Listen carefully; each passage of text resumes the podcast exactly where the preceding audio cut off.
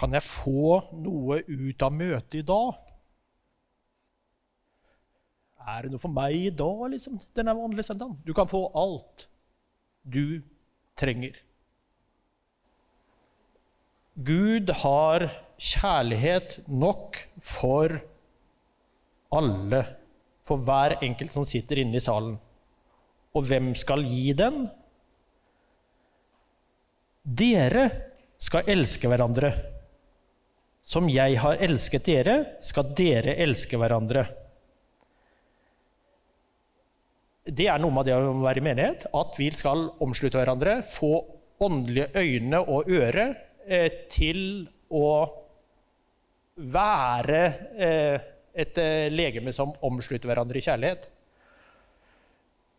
Uansett sivil stand. Vi er i mange ulike situasjoner, vi som sitter her i salen. Gud har kjærlighet for deg alt du trenger, og jeg håper at du får en full dose touch av det du trenger på dette møtet her. Så er det en temagudstjeneste med eh, ekteskap og familie. For oss som lever i parforhold, uansett hvordan det er i dag. Gud har kjærlighet nok for oss i dag. Dere skal elske hverandre som jeg har elsket dere. Så tenkte jeg i bilen på vei opp uh, i dag Hvordan var det egentlig Jesus demonstrerte det overfor uh, disiplene? Han, han, demonstrerte jo i tre år da, hvem Gud var, og hvordan det skulle være. Og så tenkte jeg på da at uh, han var jo en mester, altså den sterkeste bekreftelsen de har bekreftet. Han sa til Peter Du, altså! Deg har jeg tro på. Jeg tror jeg bygger hele min kirke på deg! Å hjelpes! Altså, så, så det er godt eh, ikke alle får den oppgaven, kan du si. Men eh, jeg tror han eh, taler bekreftelse og det guddommelige inn i hver enkelt av oss, det som er for oss. Og så ikke så lenge etter det så sa han til samme person Vik bak meg, Satan! Altså, i ekteskapene våre så kan det komme uttalelser som kanskje er på sin plass, men den kan falle uheldig ut. La oss si at uh, det var jo litt av den situasjonen. Uh, uh, så det å leve sammen, det har mange aspekter. og det å være sann, ekte og ærlig. Men i dag, uansett sivilstand, uansett hvordan situasjonen er, så kommer Gud, som omtaler seg som Gud er kjærlighet, og vil åpenbare det inn i hvert enkelt liv det vi trenger? Eh, det er Lars, og jeg er Ådel. Og vi er ledere for familiearbeidet og ektepararbeidet her i 316. Hvis noen ikke kjenner oss, liksom. Så eh, Men nå vil jeg gjerne ha opp Maria, Ole Henrik og Inger og Emil, hvis dere kan komme opp her på scenen sammen med oss.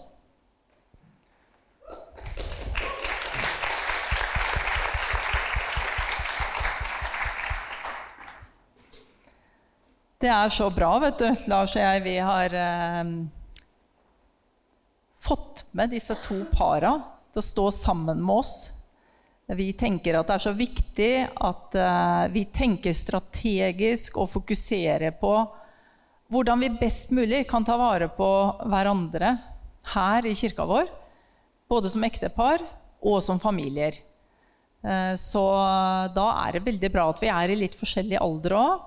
Og disse her har hjertet på rett plass og så mye å komme med. Så vi er utrolig takknemlige for dere. Det er Ingrid og Emil Hagen Christiansen. Det er Maria Ole Henrik Moen Pettersen. Så er det alltid sånn at når man, uansett, når man velger å gå på Jesu ord og stille seg til rådighet for tjeneste, så er det sånn at da blir, det, da blir vi farligere da blir det litt utfordring. For de som går inn i en tjeneste med ekteskap, da vil han som ødelegger, ofte komme og si at 'dette her får dere ikke til', 'dere er ikke verdige', bla, bla, bla, bla, eh, rakke ned på det. Så derfor så skal vi nå for dette møtet og for videre tjeneste på dette her be for dem. Jesus, vi kommer fram for deg, og vi ber deg om at uh, du skal uh, møte oss nå, Jesus. Og vi takker deg for uh, Maria og Ole Henrik og for Ingrid og Emil ber vi om at eh, du skal eh, velsigne dem, beskytte dem i hverdagslivet. Og vi ber deg om at eh, du skal komme nå og berøre dem, og det de skal formidle til oss på dette møtet her. Vær oss nær, Gud, og tal inn i våre liv. Og bruk Maria og Ole Henrik og Ingrid og Emil i Jesu navn. Amen. Hei. Hyggelig å se dere. Vi er altså Ingrid og Emil. Og vi eh, vil først si at vi er veldig takknemlige for 316 eh, og det fellesskapet som vi har fått her de siste tre åra. Og så er det jo litt spennende da, at vi får lov til å dele. Eh, så vi håper det kommer noe ut av det. Men det vi tenkte vi skulle dele tanker rundt, det er det å tjene. Og det å tjene sammen som Han er min. det å tjene sammen som et ektepar. For det er noe vi syns er viktig eh, for eh, oss og i Guds rike. Men først litt om oss. Vi ble sammen for 13 eh, år siden. Vi gikk i samme klasse på videregående og ja, ble sammen i andre klasse. Og der ble jeg kåra til klassens misjonær. Og der var jeg en skikkelig krikkelsker. Og de som ikke kjenner krikk, så er det kristen idrettskontakt. Og der fikk jeg med meg stort sett eh, klassen. Eh, og Emil, da. Men der hadde vel du en hemmelig agenda, hadde du ikke det? Jeg vet ikke hvor hemmelig den var. Eh, og dere skjønner nå hva den var. Det var å få Ingrid. Og så var kanskje ikke jeg den eneste som ble med på krig av den grunn heller. Men ja. Eh, og så har vi vært gift i ti år, så det gikk jo greit. Men enda viktigere enn at jeg fikk Ingrid, så hørte jeg om Jesus på Krik Resvik. ble kjent med han og valgte å følge han. Og det var litt hvordan vi ble sammen. Eh, og videre så har vi vært eh, mye med i eh, KRIK. Ingrid jobba som distriktsmedarbeider. Det vil si at hun reiste rundt i Østfold, hjalp lokallag med treninger, planlegginger og sånt.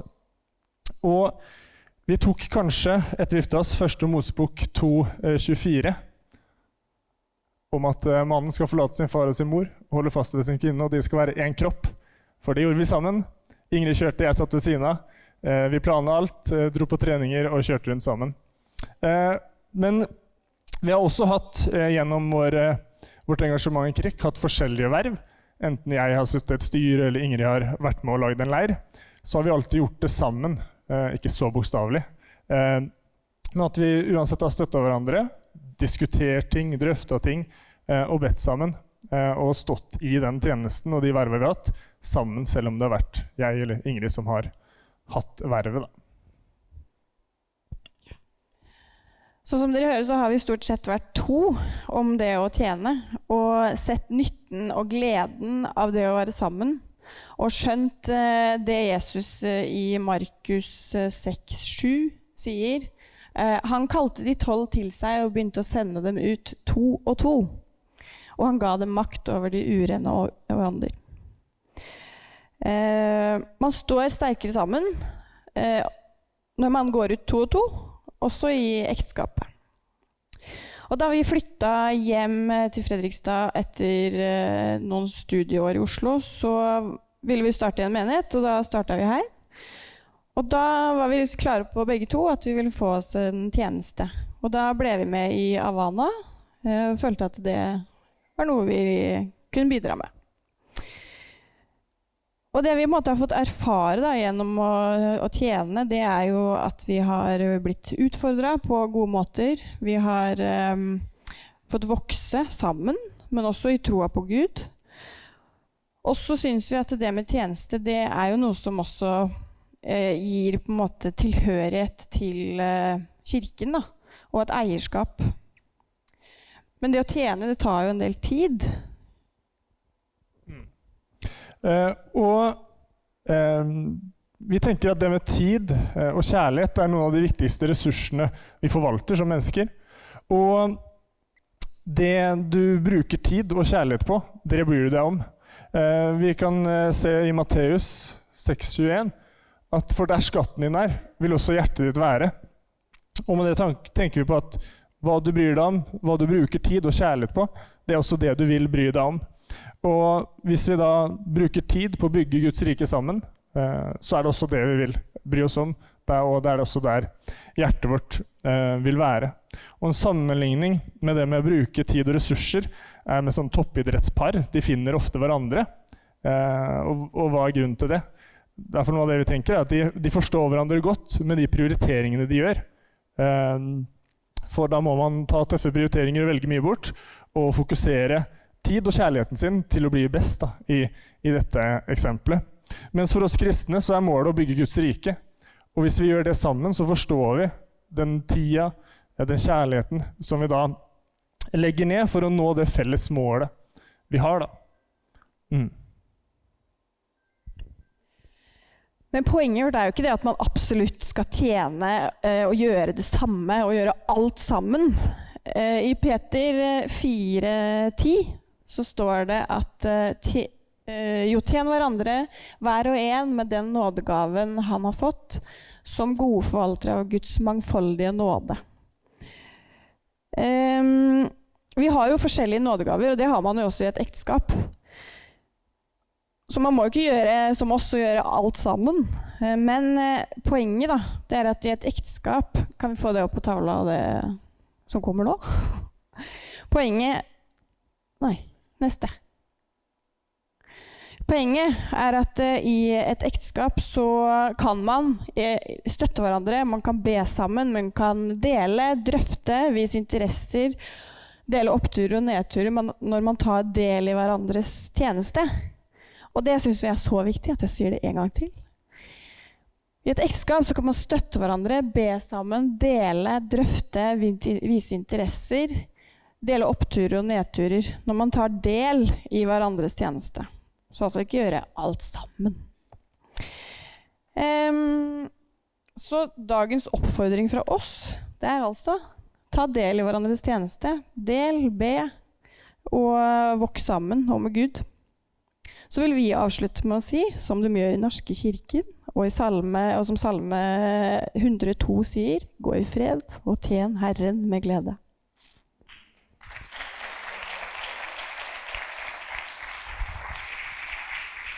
Jeg syns det er fint ja, når du deler liv sånn og hører litt av livsvandringen og hvordan eh, folk har tenkt og fått eh, tiltale. Og den eh, avslutningen, det er jo ikke en frase for oss som har gått i statskirken lenge. At er i fred og tjener med glede. Men det, er, det, ligger en sånn hemmelighet i det, som dere trakk fram på en veldig god måte. Og så Maria og Ole Henrik. Så skal dere få mikrofonen og dele med oss. Yes, tusen takk. Eh, veldig hyggelig. Eh, vi òg er veldig ydmyke og stolte over å kunne få lov å være med på det arbeidet her. setter vi veldig stor pris på. Eh, vi er da Maria og Henrik, for dere som ikke kjenner oss. Vært gift i Fikk jeg prestasjonssang. I neste år så har vi 20 års bryllupsdag. Jeg måtte bare sjekke om å Jeg visste jo selvfølgelig det. Uff, er det lov å si? 16 eh, og ja, 16, du var 14? Mm. Så det har jo blitt noen år, da. Så det er litt rart det der med ekteskap. Vi føler liksom at eh, På en måte så føler jeg at vi har gått en lang lang vei og føler vi har masse erfaring. Og så tenker jeg åh, vi har jo så vidt begynt. Så det er litt sånn eh, rart, det der. Um, og så veldig fint det Lars sa til å begynne med, at det er her uh, håper vi du kan få noe ut av det uansett hvem du er. Og uh, jeg med min, den ene svigermora mi La jeg bare den henge, så kan dere tenke på hvordan det henger sammen. Hun spurte om jeg var nervøs. Så sa jeg ja, kjenner du det kribler litt? Og så sa ja, men det er jo så enkelt, for ekteskap det er jo ikke noe fasit. Så takk, Lena. Det er jo helt riktig, det er jo ikke noe fasit. Det er ikke noen, det er ikke noen liv som er uh, riktigere enn andre. Eller, uh, men vi lever, og så lærer vi mens vi går. Så vi skal prøve å dele litt på vi, tankene vi har hatt om ekteskap. Eh, og ekteskapet har jo forandra seg litt. da. Uh, hvordan man ser på ekteskapet, hva man vil ha ut av et ekteskap gjennom mange år. Eh, hvis jeg liksom tenker tilbake da jeg var liten gutt og så på mine besteforeldre, så var det jo bestemor hun sto alltid hjemme på kjøkkenet, hadde potetene klare når bestefar kom hjem fra jobben, var hjemme og ordna. Det var en sånn veldig sånn der, gammeldags i dag, men den har jo hadde jo vart noen år allerede da. Og det har liksom vært en sånn, der, en sånn litt forskjell på mann og kvinne, kanskje. Uh, og i dag så vil vi kanskje ha Det henger nok kanskje noe igjen av det i dag òg, men det er kanskje andre ting man vil ha ut av ekteskap i dag da, enn det var før. Før så ville du kanskje bare tenkt at det, ja, da, da blir iallfall det tatt hånd om. At det var litt sånn ansvarsfordeling, men i dag så vil du kanskje ha en samtalepartner. Du vil ha en som du vil dele ting med, som du vil, som du vil leve sammen med og ha litt mer nær tilknytning. Da. Eh, jeg tenkte jeg skulle åpne med eh, det første bibelverset som jeg ga deg. Det er eh, første Mosebok, kapittel 1. Vi begynner på starten. Jeg er veldig sånn kronologisk av meg, så vi, jeg håper du har god tid. Og der står det Gud sa 'la oss lage mennesker i vårt bilde'. Og det syns jeg er så fint. For det, først så skrev han at han skapte himmel og jord. Eh, og så sto det på at han så på det og han hadde behag i det. Og så skapte han ditten og datten og ditten og datten og så på det etterpå og så at det var godt. Og så kommer han til vers 26. Gud sa 'la oss lage mennesker i vårt bilde'. Der begynte han å bli personlig. Sånn, I vårt bilde, sånn som, vi, sånn som vi er, sånn som vi vil ha det. Eh, så de ligner oss. De skal råde over fisken i havet fuglene under himmelen, over fe og alle ville dyr og alt krypet som kryr på jorden. Så der begynner han å skape mennesket, og det står det senere at det skal være mann og kvinne. Eh, og det var da to mennesker, likeverdige mennesker. Så kan vi gå på det neste. Eh, ja, der. Eh, da sa Herren Gud, det er ikke godt for mennesket å være alene. Og da snakker han om mannen og han som kom først. Eh, det er ikke godt for han å være alene. Så jeg vil lage en hjelper av samme slag. Så det var der eh, hjelperen kom.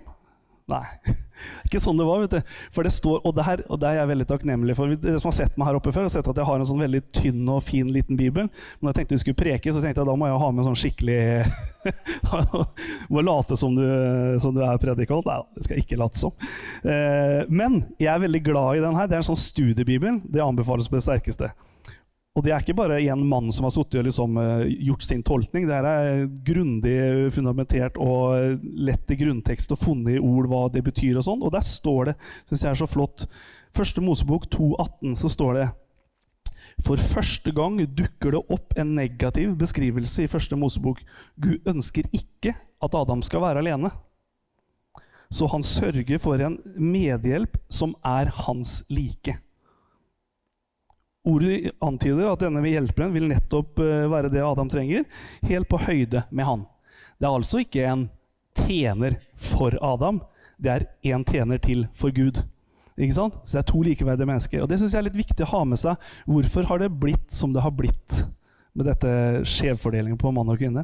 Synes Det er litt sånn godt å gå tilbake til grunnteksten. Vi er først så er vi skapt lik Gud, og så er vi skapt like hverandre. Og Det var litt sånn introen min på så kommer Maria med det viktige Det var veldig viktig og fint, det du sa, vennen min. Um, jeg uh, er jo en kvinne, og for å være generaliserende og stigmatiserende, så er jeg som kvinnen veldig opptatt av estetikk. Så jeg har valgt en veldig feminin skrifttype, som ikke er så lett å lese. Så hvis vi får opp det første bildet, så skal jeg sørge Men det er veldig pent, det er solnedgang og sånn pene farger, sånn, så det, det, det, det syns jeg var viktigere enn at det var leselig. Så jeg lover, jeg lover å lese det for dere. Eh, jeg skal lese fra Efeserne 4, vers 2-3. For at jeg skal kunne se det, så har jeg det inn på telefonen her. Med all ydmykhet og mildhet, med langmodighet, så dere bærer over med hverandre i kjærlighet og legger vind på å bevare åndens enhet i fredens sambånd. Jeg skulle sikkert hatt med vers 1, for det kommer litt midt i setningen, men likevel så får man noe ut av det. Jeg tenker å ta det inn i parforhold i dag. Relasjon mellom eh, kone og mann. Uh, og da har jeg lyst til, Nå leste jeg det, og så har jeg lyst til å lese en annen oversettelse, som er det neste bildet. Som jeg syns er nesten enda finere. Jeg elsker å lese forskjellige oversettelser på samme bibelvers. For da får man ofte en litt sånn annen vinkel på det. Og Feserne 4, 2-3 står det i mildhet, ydmykhet og storsinn, så dere bærer over med hverandre i kjærlighet. Sett alt inn på å bevare åndens enhet i den fred som binder sammen. Sett alt inn. Gjør alt du kan. Eh, 100 innsats. Eh, og når vi, når vi blir sammen, så er vi veldig innstilt på det. At vi skal gi alt. Og det er 100% Og så er det, det må vi innrømme alle sammen, at det ofte blir litt slappere etter hvert. ikke sant? Eh, men vi vil det. Vi vil det. Og hvordan gjør vi det? Hva er det vi skal gjøre for å få en god relasjon og for å ha det bra? Og det her som jeg skal si nå, det har vi hørt 100 ganger før. Nøkkelen til en god relasjon er kommunikasjon. Det er sånn, ja, det vet jeg. Det vet alle. Men hvordan kan vi kommunisere bedre? Og jeg har ofte tenkt på det sjøl at det er sånn Ja, nei, vi må jo ta opp ting når det er noe som er kjipt. Og å, kan du ikke være sånn å ta ut oppvaskmaskinen? Men så er det liksom ikke bare det det handler om. Det handler om å bygge en, et fundament, en grunnmur, som gjør at det er lettere å ta opp enten små, trivielle ting som at jeg irriterer meg over at ikke du tar ut oppvaskmaskinen tidligere, eller større problemer. Så derfor så har jeg tenkt å snakke om i dag eh, et tema som jeg har valgt å kalle for eh, emosjonell intimitet. Ikke fysisk intimitet, men emosjonell intimitet. Og dette er relevant for deg uansett hvilken sivil status du har, fordi du har en relasjon til så mange. Barna dine, foreldra dine, søskna dine, vennene dine, kolleger osv. Så, så dette er relevant for deg uansett um, hvem du er. Um, fordi jeg skal dele veldig kort om at den morgenen her, for Ole Henrik og meg Jeg tenker det er fint å være personlig. Jeg skal prøve å ikke bli privat. Men jeg tror det er fint. Jeg ville likt det hvis jeg satt her i dag og hørte noen fortalte om noe som jeg tenker det her kjenner alle seg igjen i. Ole Henrik og jeg hadde en Vi krangla bra, altså, i dag. Vi hadde en tøff start på dagen. Og jeg tror Ja, men jeg skal være helt ærlig på det. Og vi har diskutert. Og jeg har ikke følt meg sett og hørt, og han har syntes at jeg har vært helt ko-ko. Og vi har begge klart å finne hverandre tilbake rett før vi kom hit i dag. Amen. Så og, og, det som veldig kort fortalt som var greia for oss, var at eh, vi har flytta, eh, og det skjedde litt fort. Eh, og jeg har på en måte kanskje ikke rukket å, å, si ordentlig farvel til det forrige huset. Og i går så var jeg og henta noe i det forrige huset. Vi har bodd i nytt hus i tre år. Men jeg henta noe i det forrige huset som noen hadde sendt dit, og sendt til feil adresse. Så jeg var der hjemme og fikk se huset. Og fikk se at han hadde bytt, gjort så fint. Han hadde planta mer ting. Han hadde bygd en veranda der, og han hadde gjort sånn og sånn. Og sånn, og det var koselig der. Og han hadde bytta gulv og hadde fått sånn garderobe med Alt var så fint. Og jeg, ble, jeg gikk inn i en sånn liten sorg. Uh, fordi at jeg bare rett og slett Jeg vet ikke, jeg bare savna det huset. Uh, og så skjønner jeg innerst inne at bare Glem det, det er veldig bra som vi har det.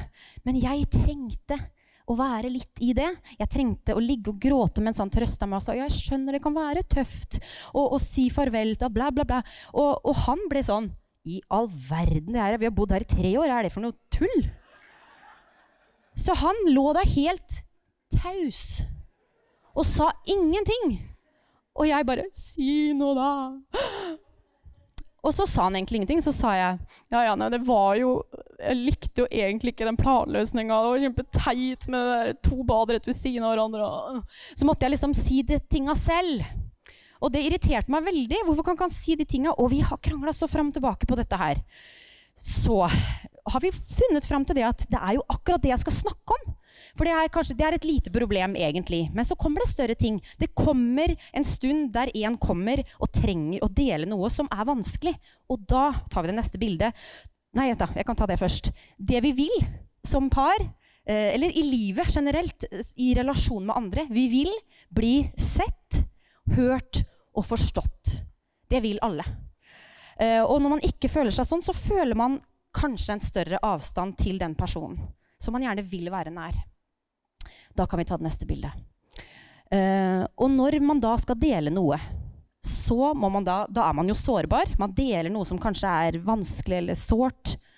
Og da er det viktig at den andre er ikke dømmende og nysgjerrig. Og hvordan er vi nysgjerrig? Hvordan kan vi vise at vi er nysgjerrig? Jo, ved å stille spørsmål. Ja.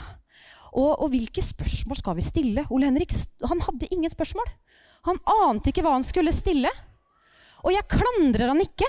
Jeg forstår det, jeg skjønner at det er vanskelig. For han sa han Og så skal jeg vite! Kvinnfolk de er sånn her. Det er helt umulig, akkurat som å trekke. Oi, jeg tok feil spørsmål.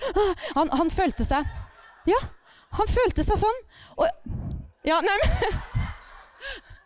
og jeg skjønner det! Jeg skjønner det! Men poenget er at vi trenger verktøy. Vi trenger å, å, få noen Hva slags spørsmål skal vi stille? Og da, mine damer og herrer, så har jeg fire forskjellige grupper med spørsmål. Dette her, Og det er også en veldig fin feminin font. Så ta neste bilde nå. Disse fire typen spørsmål kan man stille for å bygge emosjonell intimitet. For å komme nærmere hverandre. Og det er følelsesspørsmål, interessespørsmål, fremtidsspørsmål eller lekenhetsspørsmål. Og folk tar til og med bilder her. Det, er tydeligvis at det går an å lese det. Så det går veldig bra. Uh, og da har jeg kommet med noen eksempler på hver. Uh, det kan godt hende dere skjønner det allerede, men jeg tar noen eksempler likevel. Hvis vi tar noen følelsesspørsmål her, da. Den er nok verre å lese, skal vi se. det kan f.eks. være Når var forrige gang du følte deg inspirert, spent, ivrig, glad? Hva som helst. Når var forrige gang du følte et eller annet? Når sist følte du deg eh, Jeg kan ikke engang lese det her. Hørt! Hørt eller forstått. Kort, tror jeg det står. Jeg føler meg kort ganske ofte, faktisk. Men eh, fem centimeter til skulle jeg hatt. Eh, hvor er du når du finner mest mulig sjelefred? I hvilken setting kjenner du deg mest tilknyttet til meg? Dette er bare eksempler.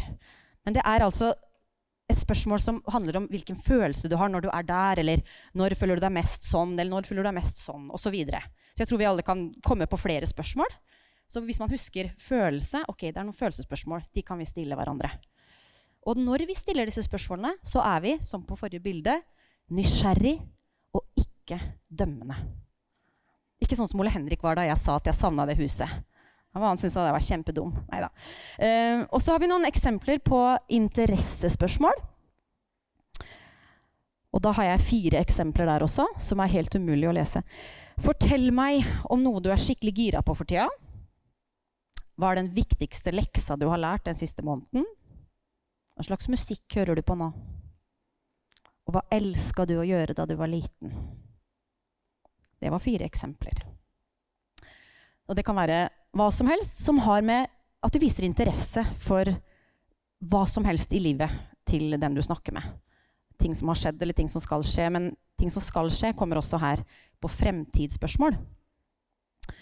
Hva jobber du mot for tiden? Hvilken del av livet ditt tror du er mest forandra om fem år? Hva vil du ha mer av i livet ditt?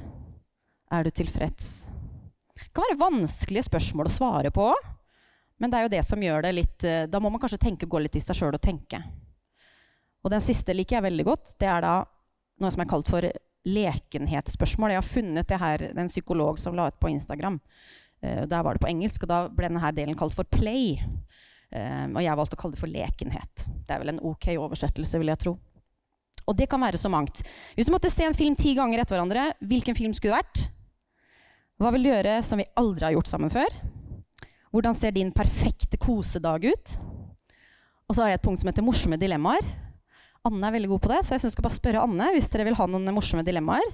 Uh, hun er for eksempel, et lite eksempel kan f.eks. være Jeg skal ikke ta det! Nei, det, det, det, Jeg tar ikke den! Nei, nei, nei. nei. det får dere spørre Anne om å tvinge ut henne. Ikke den. Men, uh, men for eksempel, Hvis du vil velge mellom sånn kronisk diaré eller kronisk halsvondt, f.eks. Sånne ting. Så da kan du tenke deg hvor ille den andre er. Anne har veldig morsomme dilemmaer. Men det er, det er uh, lekenhetsspørsmål. Jeg, jeg, liker det veldig godt. For jeg er barnslig. Eh, da har jeg lyst til å sette tilbake til det andre versjonen av Efeserne 4. Så lar vi den bare stå der. Um, så vil jeg bare summere. Jeg aner ikke hvor lenge jeg holdt på, men uh, Det som jeg vil bare fram til her nå vi, Det er akkurat som du sa, det er ikke noe fasit. Men det vi sjøl nå har lært, er at vi har mye å lære når det gjelder kommunikasjon. Det tror jeg alle har. Så, og det her var jo ikke den eneste løsningen, det er ikke nødvendigvis kanskje løsningen heller, men det er én av mange. Og kanskje forhåpentligvis det kan gi en liten sånn ja, vet du hva, Kanskje det kan være noe. En nøkkel til å komme nærmere, enten om det er partneren din, eller om det er dattera di eller mora di eller søstera di osv. Og, og jeg tror faktisk at vi kommer litt nærmere hverandre etter i dag, i hvert fall eh, i forhold til i dag tidlig. ja, da fikk dere litt innblikk i morgenen vår. det var litt morsomt òg, da. Alltid morsomt å se tilbake. Nei, men det er, eh, det er, jo litt sånn det er, da. Eh, jeg skjønner ikke hvorfor ikke du visste meg det her før. Eh. ja, det er nettopp det. Nei da. Men det er, er litt sånn det er, da. Så får du litt perspektiv på det. Og jeg, jeg må jo si at når vi satt i bilen For vi har vært oppe på Råde stasjon i dag og så satt fra oss eh, en bil som eh, Jeg har jo kunnet over ha solgt lastebilen til firmaet i dag. så jeg har vært og satt fra meg den. Og så satte vi bilen eh, på vei tilbake, og så satt du og sa veldig mange fine ting. Og det sa jeg ikke til deg da, men jeg tenkte ah, søren, hun har jo rett. tenkte jeg da. Så det, den skal du ha. så man lærer noe hele tida mens man går. Og det er det som er litt spennende med det her òg, at jeg merker jo at åh, det er så mye igjen. Har så mye å lære. Skulle du si noe? De tingene jeg sa, som var så bra. jeg bare kom på det. Og det var veldig bra. Jeg er helt enig. For du sa men hvordan skal jeg vite hva, skal jeg, Vil du heller at jeg skal være psykologen din? Uh, ja, sa jeg liksom. Fordi er det bare sånn at psykologene skal stille gode spørsmål? Er det bare psykologene som får lov til det? Nei, vi kan også lære av en psykolog. Vi kan lære å kommunisere bedre. Det vil vi jo. Så slipper vi å gå til psykolog. Uh, for, så vi kan jo bli flinkere til å stille gode spørsmål. Ja, var det noe sånt jeg sa? Ja? Yes. Så Ole Henrik Aka, psykolog Moen Pettersen, det er uh, That's me. eh, men hvordan skal vi liksom Det altså, tenkte vi litt på deg. Da skal jeg liksom oppsummere litt, da. Men vi vil jo gjerne ha det her gode ekteskapet hele veien. Eh, og så har jeg snakka en del om eh, jeg tenkt, Når jeg ser på ekteskapet, så har jeg sammenligner jeg ofte veldig mye med det å drive et firma. Det har jeg snakka om litt før her også. Og det er jo sånn når vi er på dateren, da, så er vi på en måte på et jobbintervju. ikke sant? Du vil jo vise deg fra din aller beste side. Du legger fram alt det som du kan best. Du skryter litt, eh, kanskje du legger på litt. Du viser deg fram din beste side, for den jobben den vil du ha. Og du vil jo ha den jobben som kjæresten, du vil jo ha den jobben som ektemann eller, eh, eller som kone. Eh, og så, eh, så, kommer enten eh, tekstmeldinga eller mailen eller eh, kanskje i parforhold blikket og bekreftelsen. Du har fått jobben. Og så bare ah, Yes! Den jobben ble min. Vi ble sammen. Eh, og så er det mange, da, som, eh, inkludert meg sjøl, som bare ah, Yes, da var den jobben gjort. Deilig, da kan vi slappe av. Jeg sa jo at jeg elska deg. Jeg sa jo ja når vi gifta oss. ikke sant? Det Jeg har hørt mange sånne uh, morsomme historier på at jeg har, bør ikke lure på om jeg elsker deg, for det har jeg jo sagt. Eh, men du har jo ikke lyst til å få sparken. ikke sant? Du må jo prøve å beholde den jobben så lenge som mulig. Og da, Derfor er ekteskapet et kontinuerlig arbeid hele veien. Det er ikke noe eh, hvilepute. Det er ikke noe, det er ikke noe dans på roser alltid. Det er ofte det også. Eh, men det er, det er, et kontinuerlig arbeid som må gjøres. Eh, og det som jeg, det er kanskje litt sånn klisjé, men eh, det er mange bibelvers som er klisjé. Derfor er jeg alltid tilbake på. Og Da kan du ta opp det siste midtnytt over. Og det står jo, som alle vet, det er jo noe av det flotteste som er. Korinterne 13. Kjærligheten er. Det må vi alltid huske på. For det er, ikke, det er ikke en konkurranse mellom ektefeller. Kjærligheten er tålmodig. Kjærligheten er velvillig. Den misunner ikke. Den skryter ikke. Er ikke hovmodig. Kjærligheten krenker ikke. Søker ikke sitt eget. Er ikke oppfarende og gjemmer ikke på det onde. Den gleder seg ikke over urett, men har sin glede i sannheten. Kjærligheten utholder alt, tror alt, håper alt og tåler alt.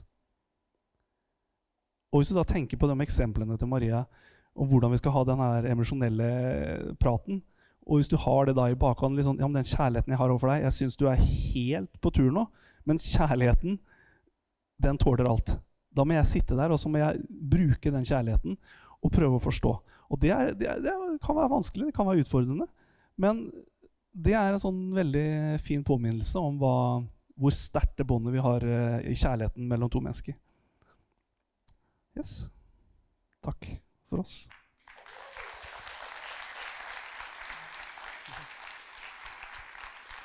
Tusen, tusen takk skal dere ha. Det var mange gullkorn, altså. Og det underbygger jo nettopp det der å ha den der grunnplattformen, sånn at vi har det der vennskapet og er villige til å strekke hverandre litt. ikke sant? Lære oss kommunikasjon. Så jeg synes godt dere kan legge ut, Kanskje du kan legge ut de spørsmåla som du hadde på 316 og sånn. Så der kan det hende vi kan lese det òg, vet du. Eller så kan du bytte skrifttype, eller Men det var veldig pent, Maria. Ja, det var det. Nei, men Det er kjempefint. Og det å strekke seg litt lenger, som Ole Henrik sier, det går ikke helt av seg selv. Selv om liksom du har fått den du tenkte liksom Yes, dette her, det må bli bra. Så, så må vi være på alerten og være våkne, da. Jeg tenkte jeg bare skulle avslutte med Efeserne 6, 10-18. Eh, det er jo om Guds rustning. Og jeg tenker at vi må være Altså ta på dere, liksom. Kle på dere rustningen. Altså, jeg går jo ikke halvnaken ut om morgenen. Jeg kler jo på meg. Jeg tar på meg klærne mine, jeg gjør meg klar. Eh, en annen ting som vi snakker mye om på jobben hos oss, det er når vi tar på via arbeidstøy. da. Så når jeg tar på meg arbeidstøyet, da er jeg liksom Yes, da legger jeg av meg det andre. Og så tar jeg på meg arbeidstøyet mitt. Og da, jeg, da, går jeg over i en annen modus på en måte, og er veldig bevisst det. da. Og så kan jeg ta det av meg igjen og ta på liksom, privatklærne mine etterpå. Og sånn tenker jeg vi skal gjøre, å være bevisst på at vi har en rustning som vi kan ta på eh, og ha, sånn at vi er våkne mot det som dere har snakka om nå. da. For eh, vi har jo en motstander som går rundt og er egentlig vi vet jo veldig godt hva som er på djevelens agenda. Stjele, drepe, ødelegge. Eh, han er også løgneren. Så han, han, vil jo prøve å ødelegge det han kan. Og da må jeg være litt våken. Jeg må prøve å kjenne igjen eh, når det kommer ting. Og da er det veldig godt også å kunne litt. Eh, kunne disse spørsmåla, være oppmerksom på og ja, nå er det kanskje ikke bare sånn fornuftsprek som ektefellen min vil høre. Nå vil, skal jeg kanskje vise litt medfølelse og omsorg. Og, og hva tenker du på? Uff a meg, jeg skjønner du har det sånn. Og forståelsen og sånn som dere snakka om. Så det er godt å ha litt kunnskap. Og dette her dreier seg jo Sånn er det jo i alle relasjoner. Vi skal jo være på vakt i alle relasjoner og være våkne. Og så er det også noe jeg tenker på. Du kan godt bla igjennom, eh, ta det neste der. Eh, så dere kan stå dere mot tape, det var det jeg snakka om, og så kan du bare ta versa nedover. Eh, kampen er ikke mot kjøtt og blod. Jeg tenker, Egentlig så føler jeg at eh, fienden er på en måte tre ting. Det er, det er meg sjøl, alle mine egoistiske ønsker og mitt begjær og alt jeg har lyst på som ikke liksom tjener parforhold og Guds rike. Og så, så er det jo liksom Det er det inni meg. Og så har jeg alt rundt meg, altså verden med alt som frister, alt jeg får lyst på, alt jeg får lyst til å gjøre, og alle impulser som jeg lar liksom komme inn. Og det siste er den åndelige kampen. Så vi har liksom, eh, litt sånn kamp da, som vi skal være oppmerksom på. Ikke det at det er sånn at vi uff, går i en sånn krigssone hele tiden. Heldigvis gjør vi jo ikke det. Men at vi er eh, våkne på disse tinga her, da. Vi må ta på rustningen.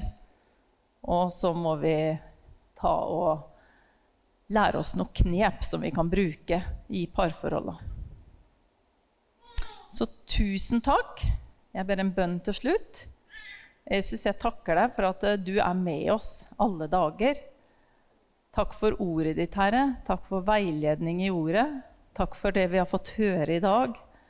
Herre, jeg ber om at du må minne oss på ting. At du må legge oss på hjertet vårt, det vi skal ta med hjem, og det vi skal ta til oss, Herre. Hjelp oss å være ydmyke i forhold til hverandre, i relasjonene våre. Takk for at du gir styrke, fred og glede, Herre. Amen.